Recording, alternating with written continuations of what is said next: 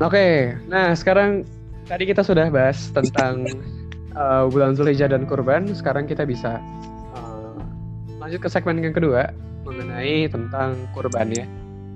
Karena bulan Zulhijjah ini uh, erat banget kaitannya dengan kurban. Dan sebenarnya masih banyak banget pertanyaan-pertanyaan mengenai kurban yang mungkin kita bisa pelajarin bareng-bareng di sini kayak aku juga banyak yang nggak ngerti makanya tadi aku juga banyak nanya ya di segmen satu.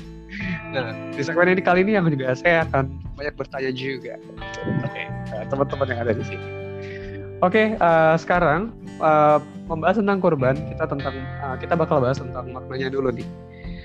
Sebenarnya uh, ya aku tahu sih kalau berkorban ya berkorban berarti ya.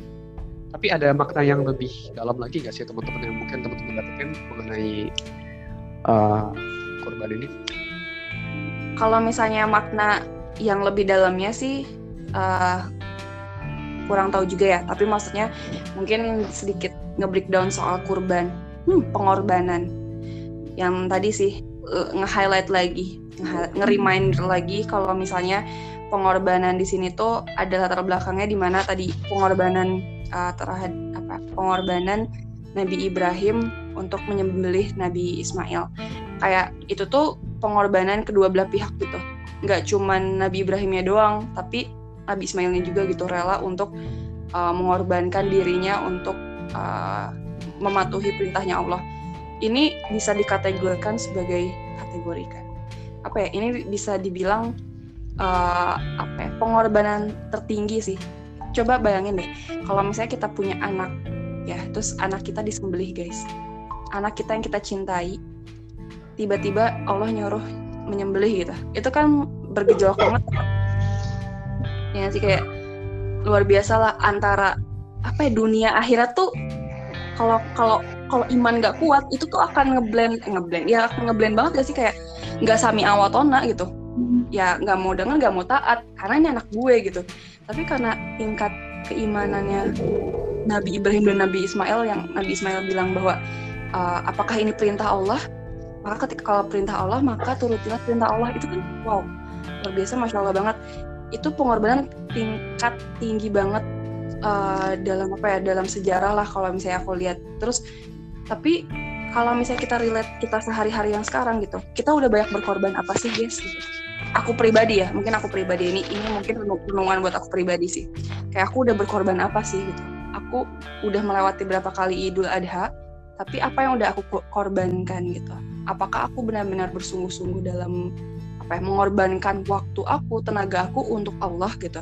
Atau justru aku masih banyak berleha-leha nggak mau berkorban waktu aku aku masih nauzubillah sih misalnya ini hmm, apa ya ya kemarin-kemarin kayak masih apakah sia-sia gitu ya waktu aku menjalankannya dengan sia-sia atau justru uh, apa ya kesungguhan aku udah udah udah setara nggak mungkin ya. Aku bilang setara itu nggak mungkin setara dengan Nabi Ibrahim. Tapi seenggaknya apa aku benar-benar berjihad untuk mengorbankan waktu tenaga aku atau hartaku gitu. Nah ya ini bisa jadi jadi simbol uh, itu tadi buat diri pribadi. Nah mungkin untuk kurbannya sendiri itu bisa jadi simbol. Simbol dalam arti uh, apa ya simbol kita kan berkurban bisa hewan ya bisa eh, bisa hewan lagi hewan berkurban tuh bisa domba, bisa sapi, bisa kambing atau unta itu sekalipun. Nah itu kan juga mungkin salah satu uh, bentuk pengorbanannya adalah kita menyisihkan harta kita kan, kita menyisihkan harta kita yang insya Allah harta halal kita yang kita sisihkan untuk kemaslahatan umat gitu. Itu sih pengorbanannya salah satunya uh, bentuknya dari segi harta kayak gitu. Mungkin ketika kita cari hartanya kita kan juga mengorbankan waktu dan tenaga kita. Jadi hmm. itu sedikit banyaknya yang bisa di makna yang bisa direnungi lagi ketika kita berkurban tuh nggak cuma kita dapat uang terus kita kita uh, punya uang nih terus kita langsung beli domba beli sapi udah gitu enggak tapi coba maknai lagi ketika kita punya uang uang itu hasil hasil keringat kita kita udah mengorbankan waktu kita tenaga kita memang untuk Allah. Untuk di jalan Allah yang akhirnya kita berkurban kita beli hewan. Nah hewan dengan hewan itulah darah tetesan darah darah itu menjadi penggugur dosa kita gitu. Insya Allah di hadapan Allah nantinya. Saksi lah hmm. di hadapan nantinya. Itu sih paling kalau uh, soal.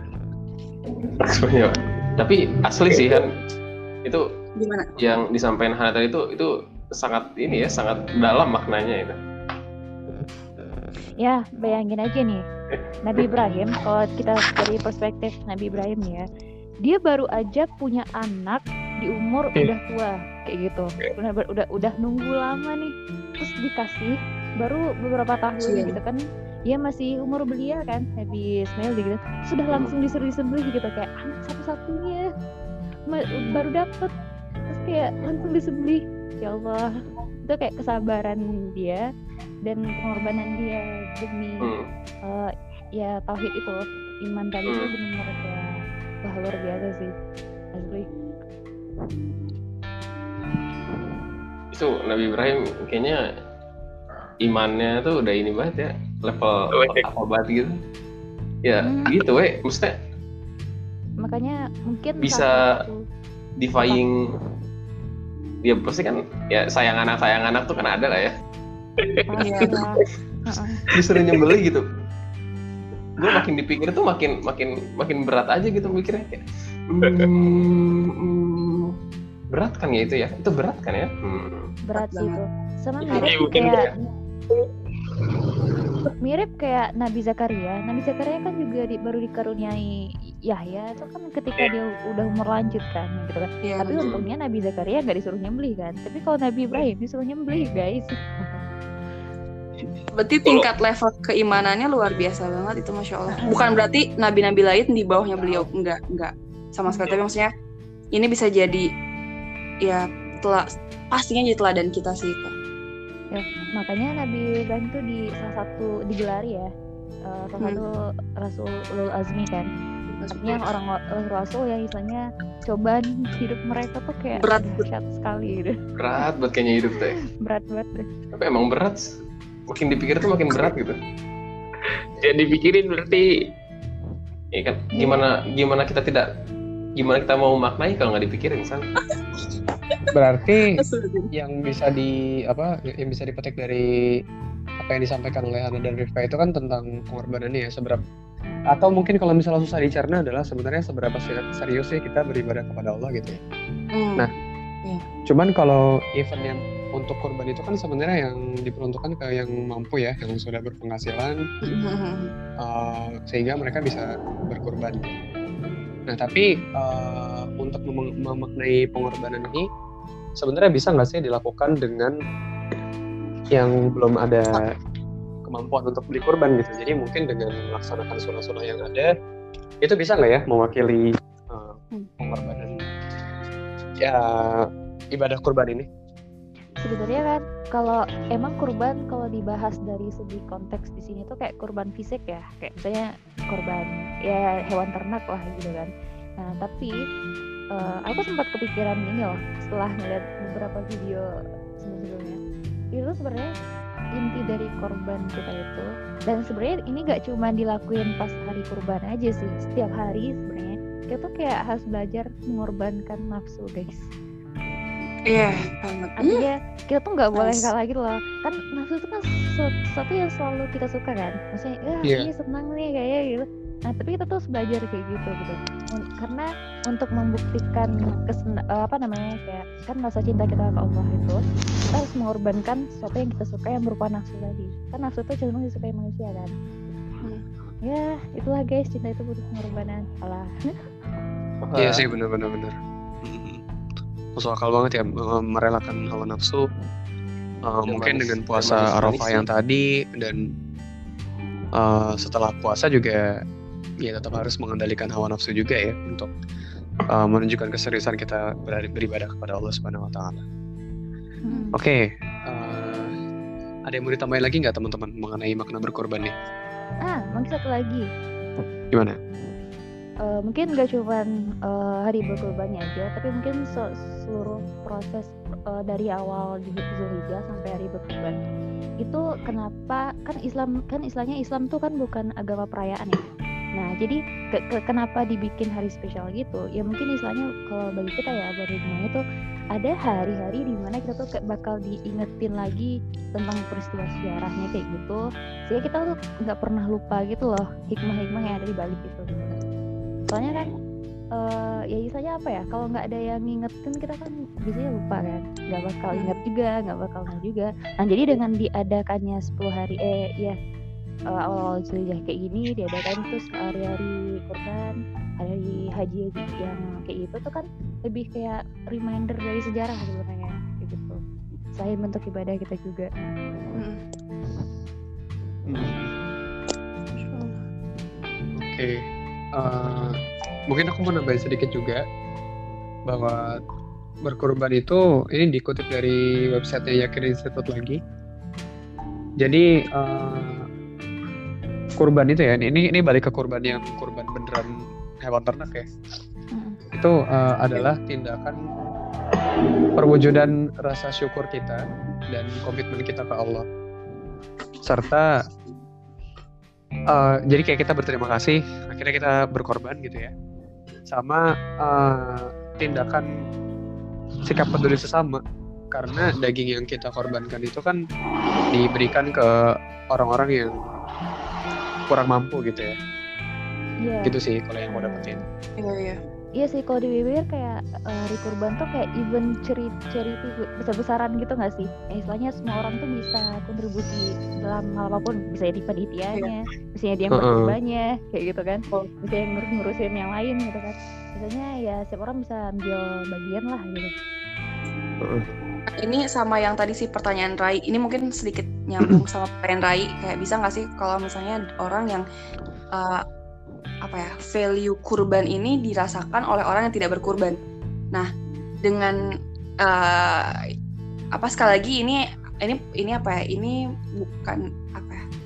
Tidak ada dalil atau apa pun, tapi ini sedikit ngambil ibroh aja dan ya menghubungkan satu sama lain di mana eh, bisa dirasakan ketika ya tadi Rai bah apa ya daging kurban yang dimakan sorry daging kurban yang dibagikan kepada orang-orang ketika orang itu mendapatkannya gitu ya. Ketika orang uh, misalnya dia let's say dia kurang mampu dan dia mendapatkannya ya. Atau kan gak harus kurang mampu ya bahkan yang mampu pun tetap dibagikan ya di daerah sana kan. Hmm. nggak nggak harusnya nggak mampu ya benar ya dibagikan merata lah di dari itu nah yang bagi orang yang tidak tidak berkurban ketika dibagikan itu ketika kita punya apa ya, punya punya dikasih sama Allah rasa syukur itu bisa juga langsung ini sih berkontemplasi eh, ini sih untuk melihat pengorbanannya orang-orang untuk berkurban gitu. Kemudian dia mendapatkan buah manisnya gitu kan berarti yang maha besar Allah gitu. Orang-orang dan apa dengan kebaikan-kebaikannya. Itu bisa aja terjadi. Dan ataupun juga yang tadi ya uh, misalnya orang yang memotong kurbannya orang yang membagikannya gitu kan itu kan berkorban kan berkorban juga gitu. Jadi iya. Ya, korban itu ya pengorbanannya beda. Ah, ah, pengorbanannya mungkin beda. Mungkin nggak dari hartanya tapi mungkin dari uh, energi dan waktunya. Insya Allah walau alam. Bisa Hmm. sebenarnya justru korban tenaga dan waktu itu jauh lebih susah daripada ngorbanin uang gak sih? Tergantung. Iya. Tergantung. Uangnya juga tuh. Itu kan uang dan tenaga ya cari uangnya kan tenaga dan Ah, dan waktu juga. Ya iya sih relatif sih ya. Relatif. Soalnya orang aja susah yang susah buat zakat nih ya. Hmm, tentu bisa mau berkurban kayak gitu. betul. Mm-mm. Oke oke oke. Nah eh, tadi kita sudah bahas tentang makna korban itu sendiri ya, Eh, tentang tindakan kedermawanan, kemurahan hati, rasa syukur kita kepada Allah, dan juga memaknai bahwa dengan berkorban itu kita harus eh, apa ya menunjukkan rasa ya keseriusan kita terhadap beribadah kepada Allah gitu ya.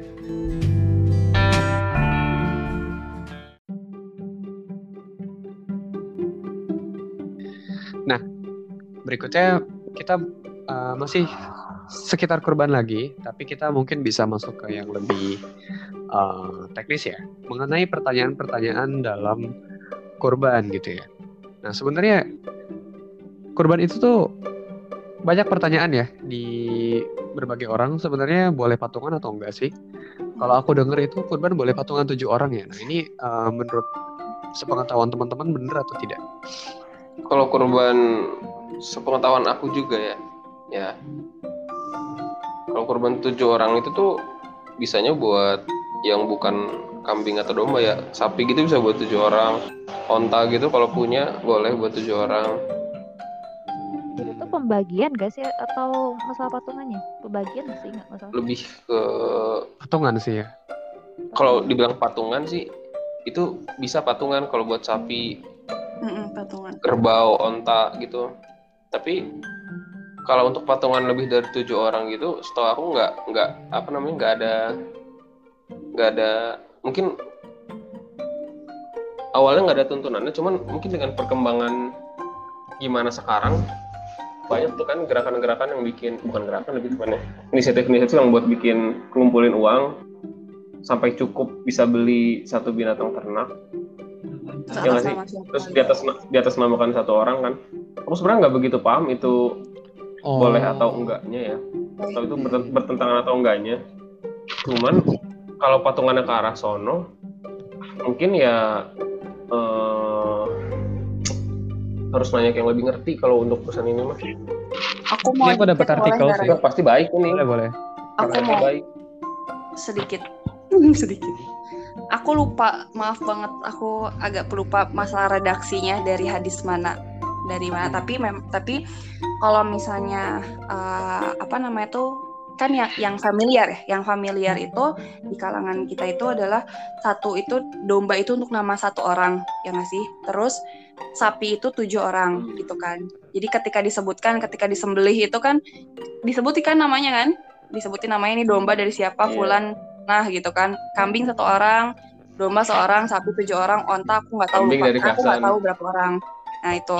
Nah tapi kalau misalnya secara itu secara teknis secara teknis ya. Dalam arti ya secara teknis. Tapi eh, aku aku pernah eh, aku dap, ya pernah dengar kalau misalnya bahwa Rasulullah SAW itu berkurban eh, lupa jumlahnya 100 unta apa 100 kambing. Pokoknya banyak masya Allah tuh Rasulullah tuh kalau sekali kurban tuh luar biasa banget guys.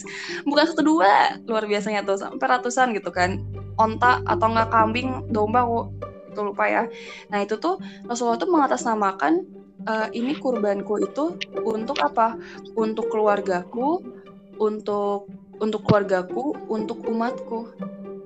Hmm. bayangin jadi eh kor- untuk umatku bayangin untuk umatku yang belum lahir udah Rasulullah SAW tuh udah udah kasih apa ya istilahnya? Ini buat orang-orang yang nggak sempat berkurban. Ini buat orang-orang yang nggak sempat berkurban di dunia tapi Rasul udah diwakilkan oleh Rasulullah SAW jadi dari dari referensi tersebut dari redaksi tersebut bahwa eh dari referensi tersebut dari dari cerita tersebut katanya berarti ketika kita mau eh, berkurban meniatkan kurban itu eh, untuk orang lain gitu ya. Eh, mau itu satu orang dua orang tiga orang itu itu is okay. Kayak misalnya kita punya uang punya uang eh, buat beli kambing. Nah niat dalam hati kita kambing. niat itu dalam hati niat itu kan urusan kita dan Allah kan. Beda dengan nanti teknis itu kan apa namanya eh, disembelih ya seorang ya itu is okay nggak masalah. Tapi niat niat di dalam hati itu niat di hati ini dari kajian Ustadz Adi Hidayat ya eh, bahwa eh, niatnya itu untuk misalnya buat keluarga untuk misalnya ada almarhum yang belum yang udah meninggal tapi belum sempat kurban gitu itu boleh itu diper, itu sangat diperbolehkan kayak gitu. Makanya sekarang eh, salah mungkin ya salah satu alasan mengapa banyak juga eh, platform-platform yang yang merampung merampung eh, donasi untuk berkurban sedekah kurban ya walaupun cuman misalnya sepuluh sepuluh ribu dua puluh ribu atau bahkan lebih itu itu ya di itu diperbolehkan gitu insya Allah walau Oke. Eh, iya, eh, ini aku juga dapat referensi sih dari eh, NU ya, dan Nahdlatul Ulama.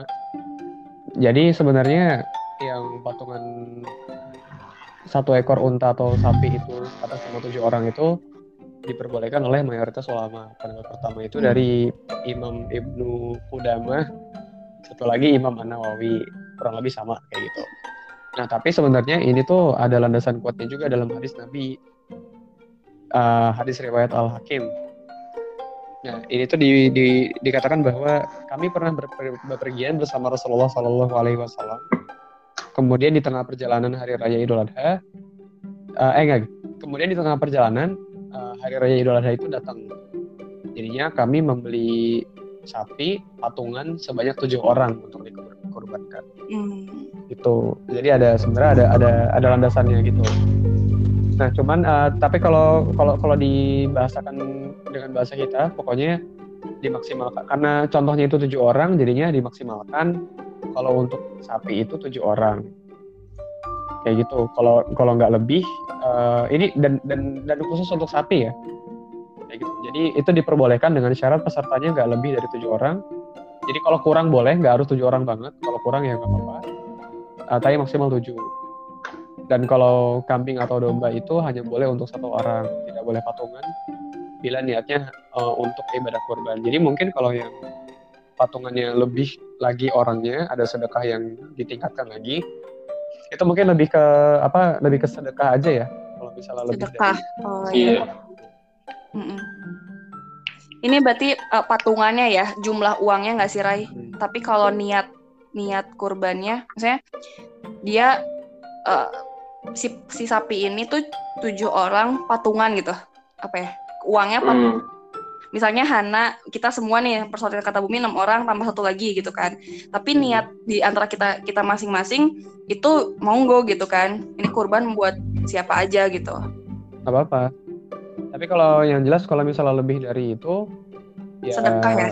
nggak bisa niat untuk eh, apa namanya Kurban. untuk kurban. Oh. Ya, berarti untuk entah untuk Sedekah. latihan atau ya udah Oke oke oke. sedekah Sedekahnya walau sedekah alam sih. bisawab. Mantap latihan. nggak bisa di di di Dikategorikan. untuk beneran nggak bisa Hmm. Oke. Oke oke.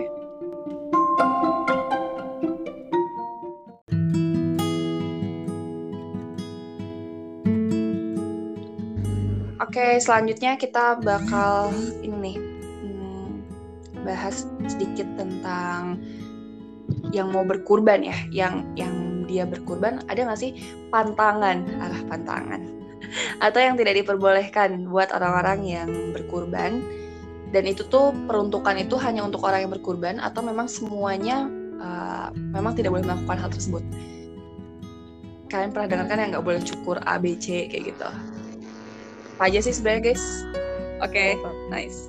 Jadi walaupun aku tidak berkurban, ya, tapi aku sudah membaca bahwa dan sudah mendengar sering sekali bahwa katanya beberapa hari sebelum kurban tuh seorang yang sudah memutuskan untuk membeli kambing, domba, sapi untuk berkurban itu tidak boleh bercukur. Hmm. Bercukur apa? Ya itu tahu sendirilah. Tapi bukan cuma bercukur, mereka nggak boleh potong rambut, potong kuku juga. Pernah Bedanya- dengar kan ya? bedain cukur sama potong rambut tuh cek San itu mah nanti jawabnya di belakang aja ya. Apa sih guys? terus terus terus gimana Jack Jadi itu eh, jadi ada suatu ayat dalam Al-Qur'an. Di Quran surat Al-Hajj ayat 37 yang artinya daging dan darah binatang korban itu tidak sekali-kali akan sampai kepada Allah. Yang sampai kepadanya ialah amalan ikhlas yang berdasarkan takwa daripada kamu. Demikianlah yang mendoakan binatang-binatang itu bagi kamu supaya kamu membesarkan nama Allah karena mendapat hikmat dan petunjuknya. Dan sampaikanlah berita gembira kepada orang-orang yang berusaha supaya baik amalnya. itu sebenarnya bukan itu tapi alasannya karena kalau kita lihat dari ayat itu malah tidak ada larangan sama sekali. Hmm. larangan itu dari hadis muslim. Diriwayatkan dari Ummu Salamah Indun binti Abu Umayyah yang bunyinya adalah barang siapa yang punya hewan sembelihan jika sudah nampak zil, hilal Zulhijjah maka jangan mengambil rambutnya sedikit pun dan juga jangan mengambil sedikit pun dari kukunya sampai ia berkurban. Itu tuntunan ini dari hadis sebenarnya. Kalau mau direlate ke apa namanya sebenarnya harusnya Hana yang nyampain sih. Tapi kurep kali ya. Oke. Jadi itu eh,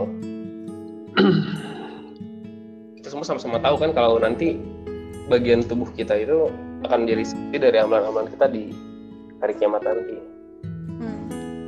jadi eh, salah satu alasan kenapa pekurban itu pada jangka waktu tertentu itu tidak boleh eh apa dianjurkan untuk tidak memotong dilarang ya untuk memotong rambut dan kuku. Itu salah satunya itu ke arah sana gitu supaya nanti bagian-bagian tubuhnya itu bisa menjadi saksi atas korban yang dilakukan itu. Allah. itu guys. Luar biasa banget sih. Kayak ini ya berarti istilahnya se, se- sepotong kuku aja bisa jadi saksi gitu kayak Hmm. hal yang kecil gitu ya. Rambut sehelai rambut. Tuh kalau rontok rambutnya gimana? Itu kan tidak sengaja. Ya Iya. maaf maaf guys. Astagfirullahaladzim. Ya masya Allah. Dari Hmm, gimana kak? dari ayat yang barusan itu surat apa sih tadi itu ya. Al-Hajj. Al-Hajj ya? Ayat? Al-Hajj ayat 37. Jadi yang diterima dari kurban kita tuh kita tuh bukan ya bukan darah dan daging dari kurbannya gitu. Tapi kayak memang benar-benar kayak niat kita gitu nggak sih? Kayak tekad kita untuk berkurban terus kayak apa apa yang kita usahain untuk bisa berkurban sedangkan yang bagian kurbannya sendiri yang ternaknya sendiri itu itu ya dimanfaatkan untuk kita gitu. Soalnya eh, mungkin ada orang-orang ya yang mungkin di luar Islam menganggap kalau misalnya kurban tuh kayak ibarat eh, kayak sesa- eh, kayak sesajen gitu loh. Ah, ini ya apa persembahan gitu ya? Nah iya kayak itu jadi Hmm. Tuhannya dikasih makan kayak gitu. Hmm. Padahal Allah nggak nggak butuh itu semua kan nggak terima itu semua juga jadi kan yang dibutuhkan tuh benar-benar kayak usaha dan effort yang kita keluarin untuk bisa berkurban entah itu dari kita nabungnya niatnya gitu kan sambil kita jaga diri juga itu kayak satu yang impactful gitu Asli. oh iya ya justru kalau di Islam kalau kurban ah, daging kurbannya boleh dimakan oleh yang berkurban ya. Kalau Dibagi-bagiin sama malah. boleh. Iya kalau yang ngejen-ngejen gitu kan eh, ya nggak boleh ya. Jadi ya Hmm. udah di, di bener-bener direlakan gitu. Sayang padahal. Mm-mm. Keren juga ya Oke, Islam nice. beda gitu. masya Allah banget masya Oke. Allah Jadi itu ya tadi ya larangan-larangan berkurban ya, yang eh, potong kuku sama apa namanya, eh, potong rambut, eh, Potong sama sebuah ada yang ada yang aku ketinggalan nggak tadi ya? Enggak ada. gitu. Nggak ada ya. Jadi Sama ya itu tidak- berlaku untuk yang berkurban ya, by the way. Hmm. Iya, jadi kalau yang tidak berkorban nggak usah boleh Iya. potong rambut. Kalau mau Nggak potong, potong aja. Enggak dilarang deh. Nah, eh, sama satu lagi kayaknya ada ya larangan di hari kurban ya tidak boleh berpuasa ya. Hmm. Ah iya. Nah, nah oke nice. Lanjut Di hari boleh berkurban berpuasa. itu berarti eh, ini ya, Rai. 11 eh 11 12 13 ya? Iya, itu ada di hari Eh, apa tasyrik ya. 10 11 12? Hari tasyrik tuh tanggal berapa aja sih? Kurban tuh 10 bukan sih? Kurban 10 tanggalnya. termasuk Ah. termasuk jadi hari nahar itu tanggal 10 Oh, nahar hari, tanggal 10. Ah, Oke. a- hari idul adha kita tuh kan terus nanti termasuk hari tasyrik kita tuh nggak bakal boleh berpuasa Puasa, diharamkan oke. Ah. 11 karena 12 itu 13 harinya ya. makan-makan kata nabi. Iya. Makan cuy. Berarti kayak hari selebrasinya ya tasyrik gitu ya. Yap. Mm-mm. Hmm. Oke, berarti Dan masih nahar boleh guys. potong kurban kan? Sampai Masih. tanggal Oh, 13 oh iya, kan masih- terakhir tuh. masih bisa ya, masih bisa benar-benar. Bisa Masih sih. sampai tanggal 13. Iya, ya pernah. kalau kurban banyak itu bisa berhari-hari gitu Asli. Oh ya, bahkan satu orang bisa kurban lebih dari satu hewan kan ya, kalau mau. Mm-mm. Ya bayangin aja satu satu keluarga tuh korban dua dua sapi terus ada yang ayo ada misalnya 20 keluarga yang kurban itu udah berapa banyak woi hmm. Insya Allah. Ngomong-ngomong kalau di tempat kalian biasanya kurbannya yang yang eksekusi orang sendiri atau manggil orang dari rumah pemotongan? Wah, Di masjid. orang sendiri dong Ya, Orang sendiri orang maksudnya gimana? di masjid kayak Orang-orang masjid, ya orang-orang Orang-orang ya, masjid. yang yang Orang-orang sendiri masjid. gitu. Orang masjid. di situ serunya sih Ya kalau aku tuh beberapa tahun belakangan tuh manggil ini juru Oh, juru juru potong. gitu ya, Hmm. ngejar waktu. Kalau mentor aku dulu tuh yang di SMA, saking nyunahnya dia ya, Hmm. dia sendiri yang nyembelih. Masya Allah. wah mantap sih Tuh, tuh gokil. Keren banget. Kakak aku gitu. Oh iya, iya, ya emang kakakku tukang nyembelih kambing. Asal tukang. Bahasanya itu. nggak ada yang nggak Nggak Oh, kan jadi- nih, sebenarnya Jangan-jangan termasuk salah satu volunteer juga. kan kakakku ustadz di pesantren. Oh, wow. Nah, Fakta Iya, baru. dia apa? Fakta baru. Kakaknya Hana Ustadz, guys. Aku Jadi, baru tahu. Jadi ini Ray, jadi jadi semakin tercerahkan Ray. Enggak lah. Ya itu, jadi pasti setiap setiap tahun pasti dia ini motong motong kambing, motong sapi. Berani. Iya, tiap Hmm. tiap tiap itu menyaksikan eh, ya itu sekaratul maut ya. Tapi Iya, itu sebuah Allah. sebuah cara untuk what a way to put it. Hmm. Ya, jadi kangen megangin sapi. Iya, Iya. Masya Allah, Masya Allah. Tapi Eh, kalau kan sapi yang- enggak. Apa? Ini sorry trivia dikit. Apa kalau kalau sapi nggak semeronta-ronta itu. Jadi sebenarnya lebih lebih lebih tidak menyeramkan megang sapi daripada kambing. Eh, pernah- tapi pernah- tergantung loh. pernah lihat yang tergantung. ini enggak Rey? Udah dipotong Tergantung terus bangun sih. lagi Rey? Oh, enggak, Ada nggak yang pernah. Iya, iya, sering-sering. Berarti harus lihat sekali dulu Rey. Berarti yang kulihat tidak seseram itu. Iya, Oke. soalnya Kalian- di, kampung aku pernah kayak gitu loh. Jadi sam- entah salah ngikatnya atau gimana gitu Hmm. kan. Dia kabur. Jadi kayak dikejar terus dikejar balik gitu. Diserunduk. Ya, Kejar mana tuh? Eh, iya, Dikejar jadi kayak susah gitu loh kan akhirnya ketunda gitu kan agak Hmm. berapa jam sampai si sapinya tenang gitu. Iya. Oh iya, Tapi- Iya. Kita Kan- menyembelih dengan kasih sayang Rey. kakakku ini ya eh, akikahin Alzain tuh. Oh. Nah, itu Oh iya. apa benar-benar eh, nyari sentra korban yang benar-benar apa ya bagus gitu. Jadi benar-benar sekali tebas gitu cuy. Straight langsung kelar itu gitu. kan Itu keren banget sih. itu ini gak sih kayak sem- se- sapi sapi eh, hewan ya hewan kurban atau apa pun tuh dia soleh atau enggaknya tuh tergantung Soleh? sama ya soleh tuh kayak jadi maksudnya apa ya tuh? diem diem gitu apa ya nurut manut manut Oh. Iya. Eh, itu tapi- kan bagian dari Oh, cara perawatannya juga tau bu itu tuh ngaruh Iya. banget eh, kayak tapi kalau di Arab Saudi kayak gitu loh guys. Iya emang Justru harusnya kayak gitu sih. domba-domba gitu tuh bukannya lala- lari tapi jadi kayak berbondong-bondong gitu Iya. menuju ke panitia korban buat disembelih gitu. Karena mereka Karena mereka dirawat. kembali ya. Hmm. karena mereka dirawat benar-benar gitu loh kan Oh. kalau Oh, kalau kita kan- emang you know. Iya. Relate banget. Kalian pernah ber, ini gak sih kalian memaknai atau mikir gitu ngelihat hewan-hewan kurban terus kan mereka kadang suka netesin air mata atau enggak dia Ah, ada yang diem, ada yang ini. Itu tuh kayak kayak aku mikir justru mereka tuh lagi lagi happy banget lagi ngantri buat ketemu sama Allah gitu. Mm. Tapi kadang Oke. kita su- kadang suka mikirnya ih kasihan ya mau dipotong gitu. Padahal sebenarnya bahagia gitu ya. Iya, padahal itu kayak kontra kontra banget kan sama yang sebenarnya terjadi gitu. Kalau alam misal. Kalau nenek aku dulu tuh dia bilang kan ngeliat proses eh, pembayaran eh, dam itu kan kan disembelih tuh Hmm. yang gitu. Eh, jadi penitianya itu dia jadi nanti sebelum kam- kan diambil tuh kambingnya. Dia nurut gitu manut kan. Jadi sebelum disembelih tuh kayak di di belai kepala itu kayak disapu-sapu gitu dibelai terus kayak Iya, iya, didoain gitu tuh. Udah nanti dia tenang kayak gitu kan. Di di tidurin kayak gitu nggak muntah-muntah gitu kan. Jadi dia benar-benar Hmm. kayak udah pasrah aja gitu. Ini bisa gitu ya? iya Aku aku asli belum pernah lihat sih yang kayak gitu. Ah, aku juga belum pernah lihat sih.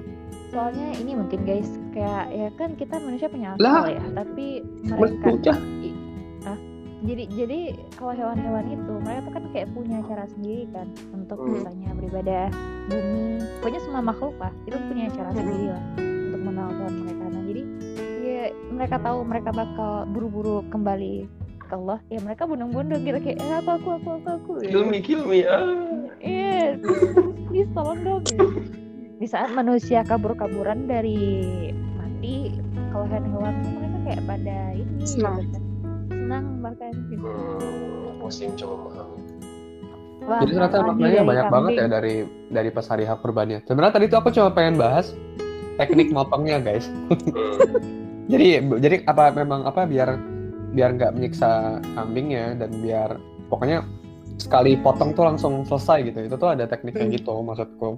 Jadi Iya, kalau aku tuh milih yang bener-bener bisa langsung sekali ini aja One kill, one kill, selesai one shot. langsung kena Iya. uratnya atau apanya gitu aku aku nggak tahu Eh, itu harus eh, sama pisaunya tuh bener-bener harus yang tajam banget Iya. supaya ya langsung selesai gitu Hmm. nggak Eh, sakit ya. Nggak merasakan kesakitan. Hmm. hmm, Baca tapi- ini ini wajah tuh wajhiyal lillazi fatar sama itu kan setelah kurban tuh kan bacaannya gitu. Ya Oh, iya, pokoknya jangan Mm. lupa baca apa ya kayak sel- sel- enggak sebelum doa gitu pas nyembelihnya itu nggak salah tuh eh, kalimat ini la ilaha illallah nah nanti soalnya kan kalau Dihadapin ke yang- ya, terus jadi kalau sesuatu yang nggak disembelih dengan nama Allah meskipun niatnya udah baik, hara- haram. haram. Mm. betul. Jadi dia di kalau nggak salah tuh malah eh, apa ya posisinya pun juga apa menghadap Iya. kiblat apa enggak gitu. Terus Iya, langsung itu kan Bismillah. Itu ngomong ini wajah tu wajah lillazi fatara samawati wal ardi hanifah muslimah itu.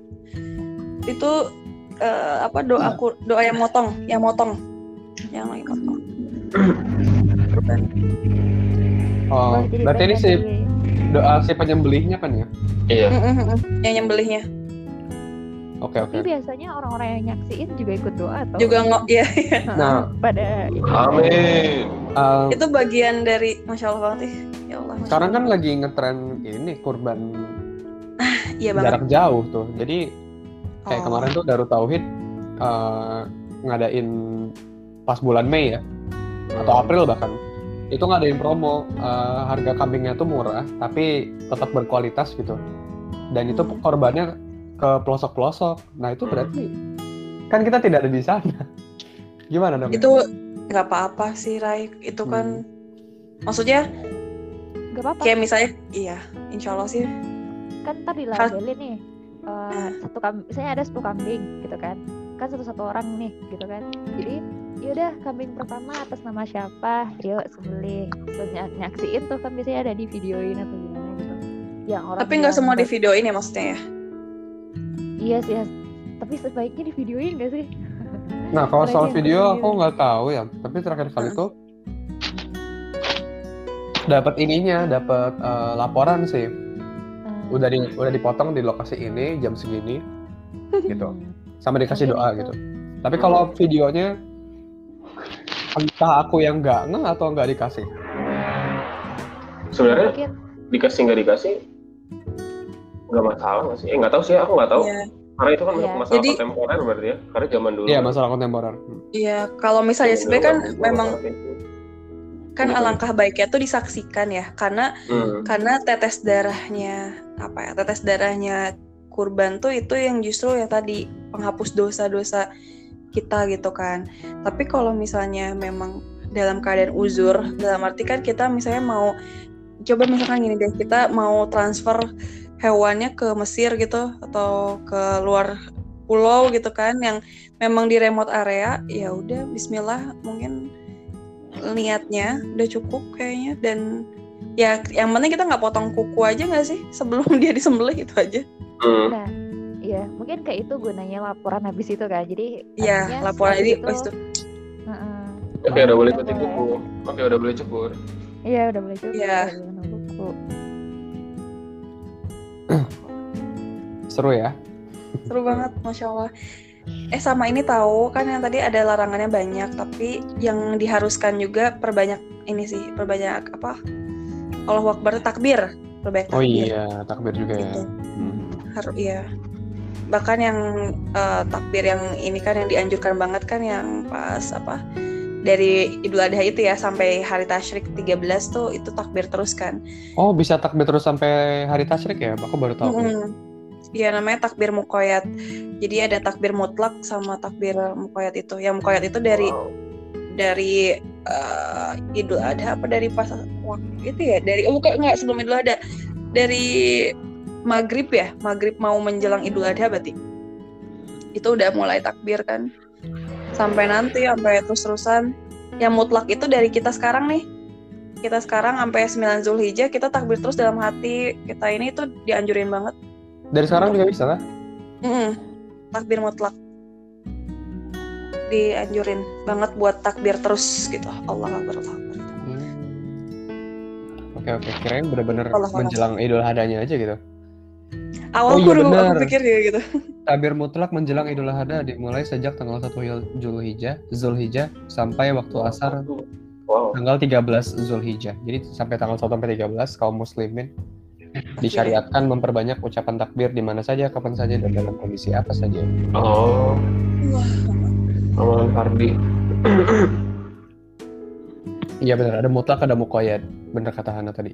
Sesuai. Lagi? Eh, oke. Eh, berarti sekian ya podcast kita di hari ini. Tadi kita udah bahas tentang makna dari eh, makna dari apa? Eh, pembahasan tentang bulan Zulhijjah Nabi Ibrahim eh, kisah tentang kurban maknanya kurban itu apa eh, dan sunah-sunahnya dan tips-tips yang bisa kita lakukan juga mengenai bertakbir salah satunya ya. Dan juga menghayati kurban buat yang sudah berkurban gitu ya. Atau buat yang belum bisa berkurban itu sebenarnya masih ada banyak banget ibadah- ibadah-ibadah yang bisa kita lakukan. Kayak gitu ya. Dan yang penting kita harus bersungguh-sungguh di 10 hari terakhir ini. Eh 10 hari awal bulan Zulhijjah untuk eh, membangkitkan semangat Ramadan juga ya. Maksudnya kalau yang belum semangat di Ramadan atau yang sudah semangat tapi kendur lagi setelah Ramadan nah momen inilah yang bisa kita manfaatkan untuk menaikkan semangat tersebut dan meraih ridho Allah sebanyak-banyaknya insya Allah. Nah eh, terima kasih buat semua yang eh, telah eh, berpartisipasi dalam podcast ini. Dan juga mendengarkan terima kasih juga sudah stay ya bersama dengan kata bumi Nah, eh, kurang lebihnya mohon maaf. Kita akhiri dengan kafaratul majelis subhanakallahumma bihamdik asyhadu an la ilaha illa anta astaghfiruka wa atubu ilaik. Sekian, Assalamualaikum warahmatullahi wabarakatuh.